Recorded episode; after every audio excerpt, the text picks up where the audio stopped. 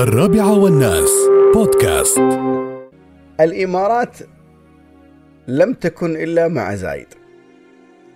والإمارات لم تنطلق إلا بزايد.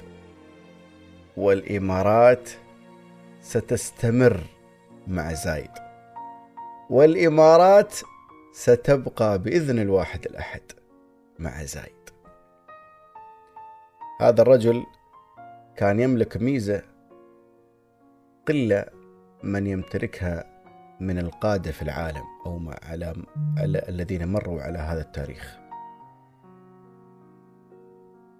كأن الله سبحانه وتعالى يريه أمر لا يراه البشر.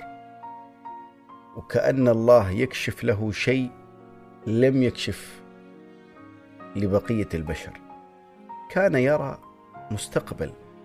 لهذه الأرض القاحلة. كان يرى مستقبل لهذه الصحاري الحارة القاحلة التي أكد واتفق كل الخبراء على أنها لا تصلح للزراعة.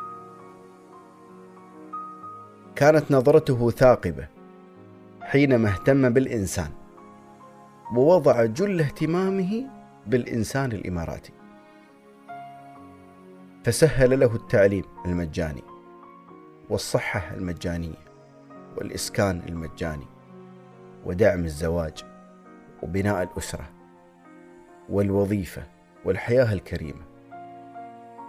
كان يرى أن الدولة ليست بناء أحجارها قبل بناء إنسانها لأن المصانع لن تدور لوحدها.